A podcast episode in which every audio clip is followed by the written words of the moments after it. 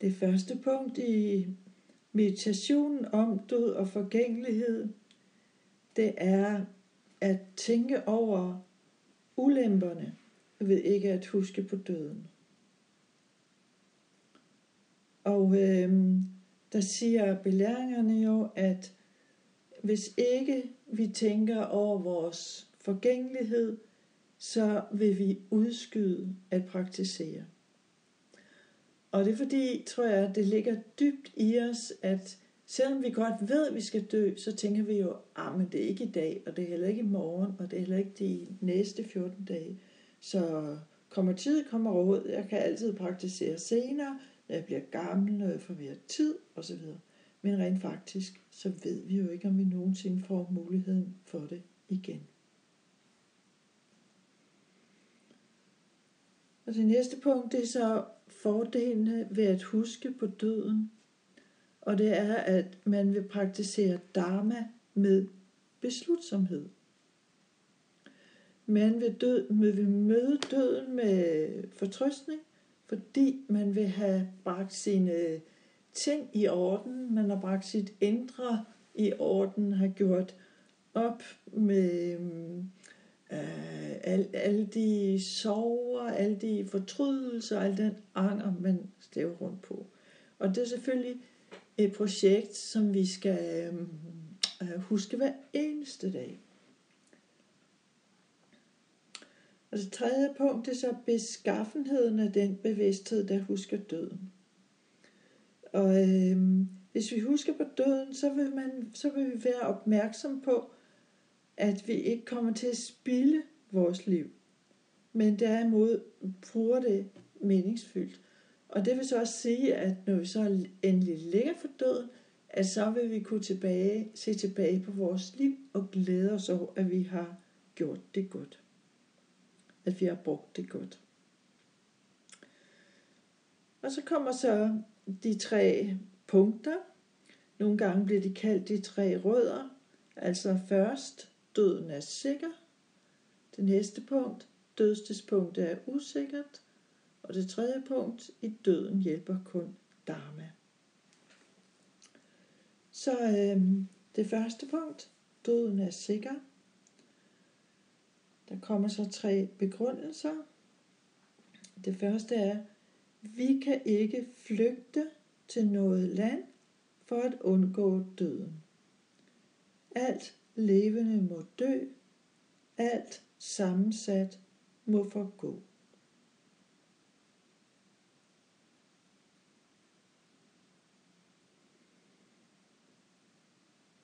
Alle, der har levet før os, er døde. Vores livs længde rinder hele tiden ud, og vi kan ikke forlænge den med noget. Hvert åndedrag bringer os nærmere døden.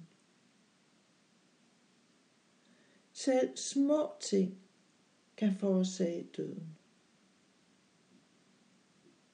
En lille bitte virus kan forårsage vores død.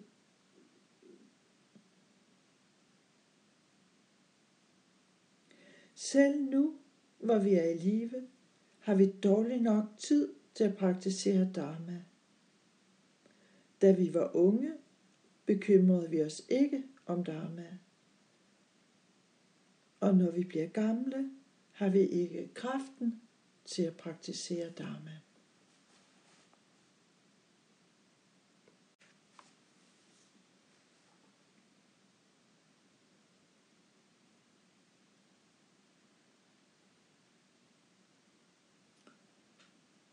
Og det næste punkt det er, at dødstidspunktet er usikkert. Og igen er der tre begrundelser. Der findes ingen fastsatte livslængder på vores planet. Man kan dø i alle aldre. Vi har ingen sikkerhed for, hvor længe vi lever. Vi har ingen sikkerhed for, at vi er i live i morgen.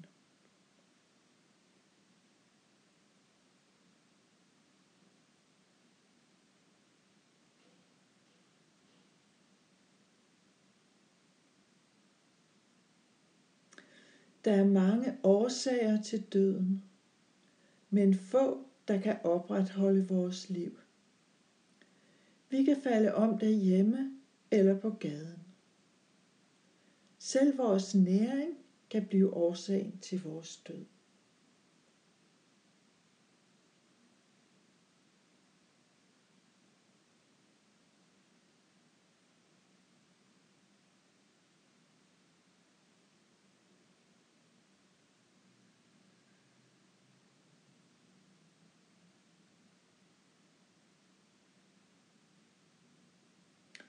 Vores krop er meget sårbar, selvom den ser stærk og usårlig ud.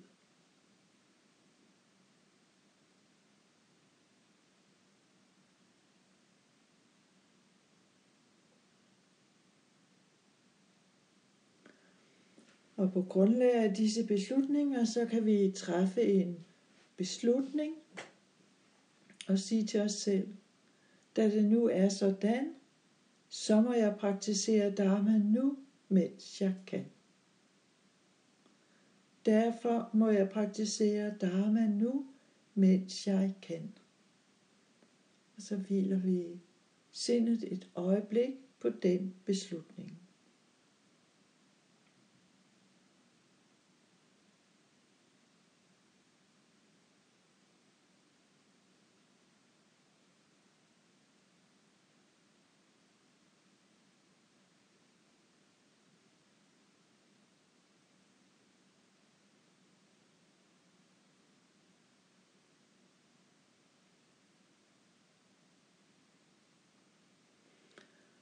Og det næste punkt er, at i døden hjælper kun Dharma.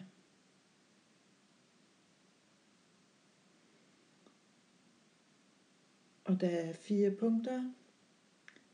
Venner og slægtninge kan ikke ledsage os i døden. Vi må møde døden alene.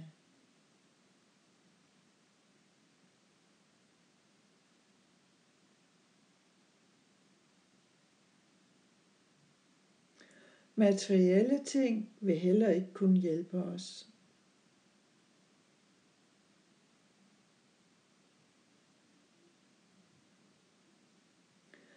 Heller ikke vores egen krop, som vi har plejet med så stor omhu, den må vi efterlade.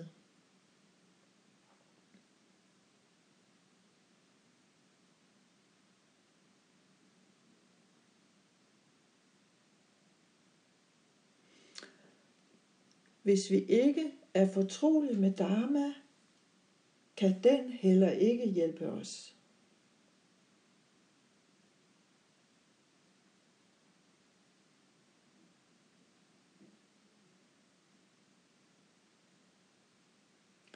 Så på grundlag af disse punkter kan vi træffe en beslutning og sige til os selv, jeg må praktisere Dharma uforfalsket, så jeg kan møde døden uden frygt. Jeg må praktisere Dharma uforfalsket, så jeg kan møde døden uden frygt.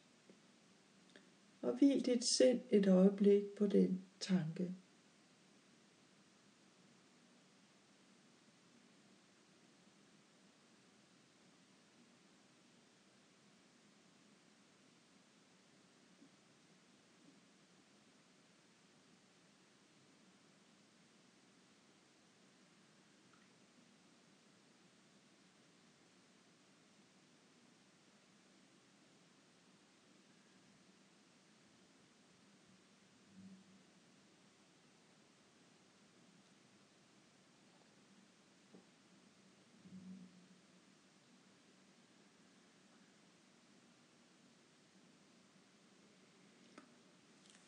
Og vi fortsætter med nogle øh, vigtige overvejelser i lyset af døden.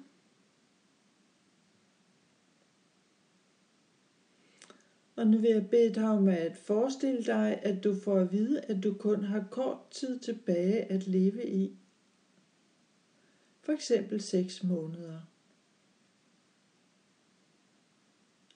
Lærerne kan ikke gøre mere for at forlænge dit liv, kun lindre din tilstand.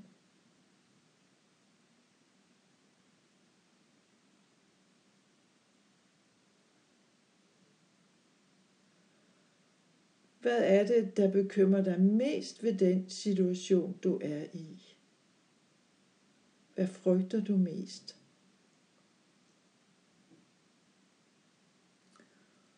Er det at miste kontrollen? Er det at være afhængig af andre? Er det manglen på kontakt? Eller angsten for smerter? Eller noget helt syvende?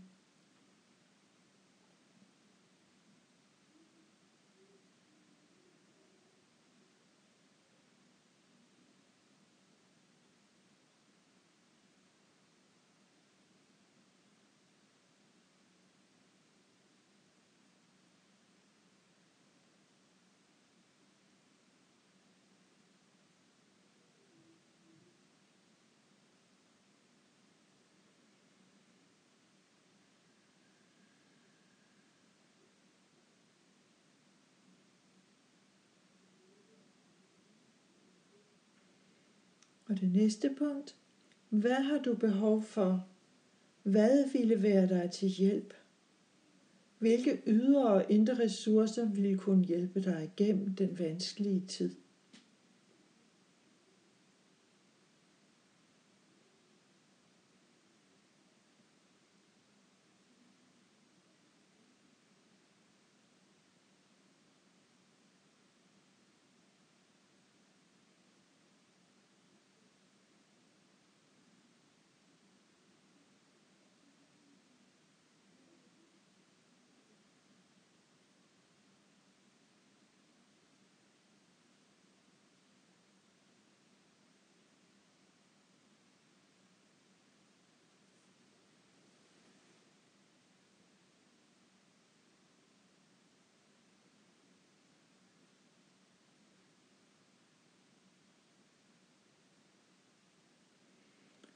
Og det tredje punkt.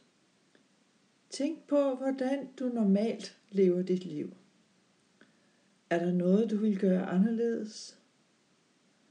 Er der noget, du vil holde op med? Er der noget, det vil være vigtigt for dig at gøre?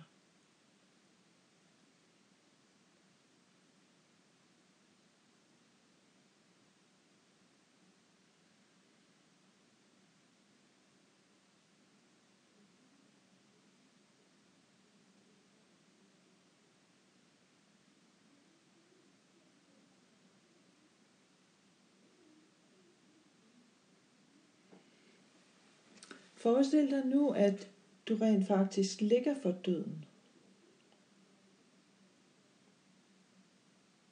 Forestil dig, hvor du er.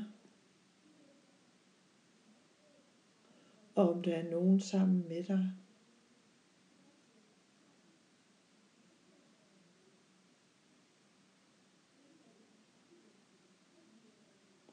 Hvordan vil det være?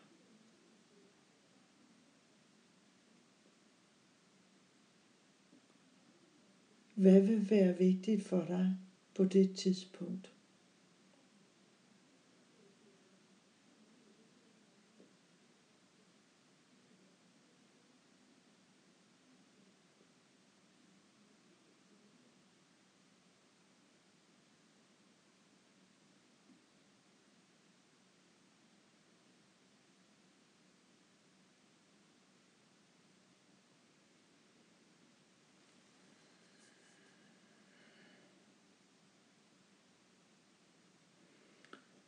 Lad os slutte med at dedikere dette gavnlige potentiale til, at vi hurtigt må nå Buddha-tilstanden til gavn for alle levende væsener.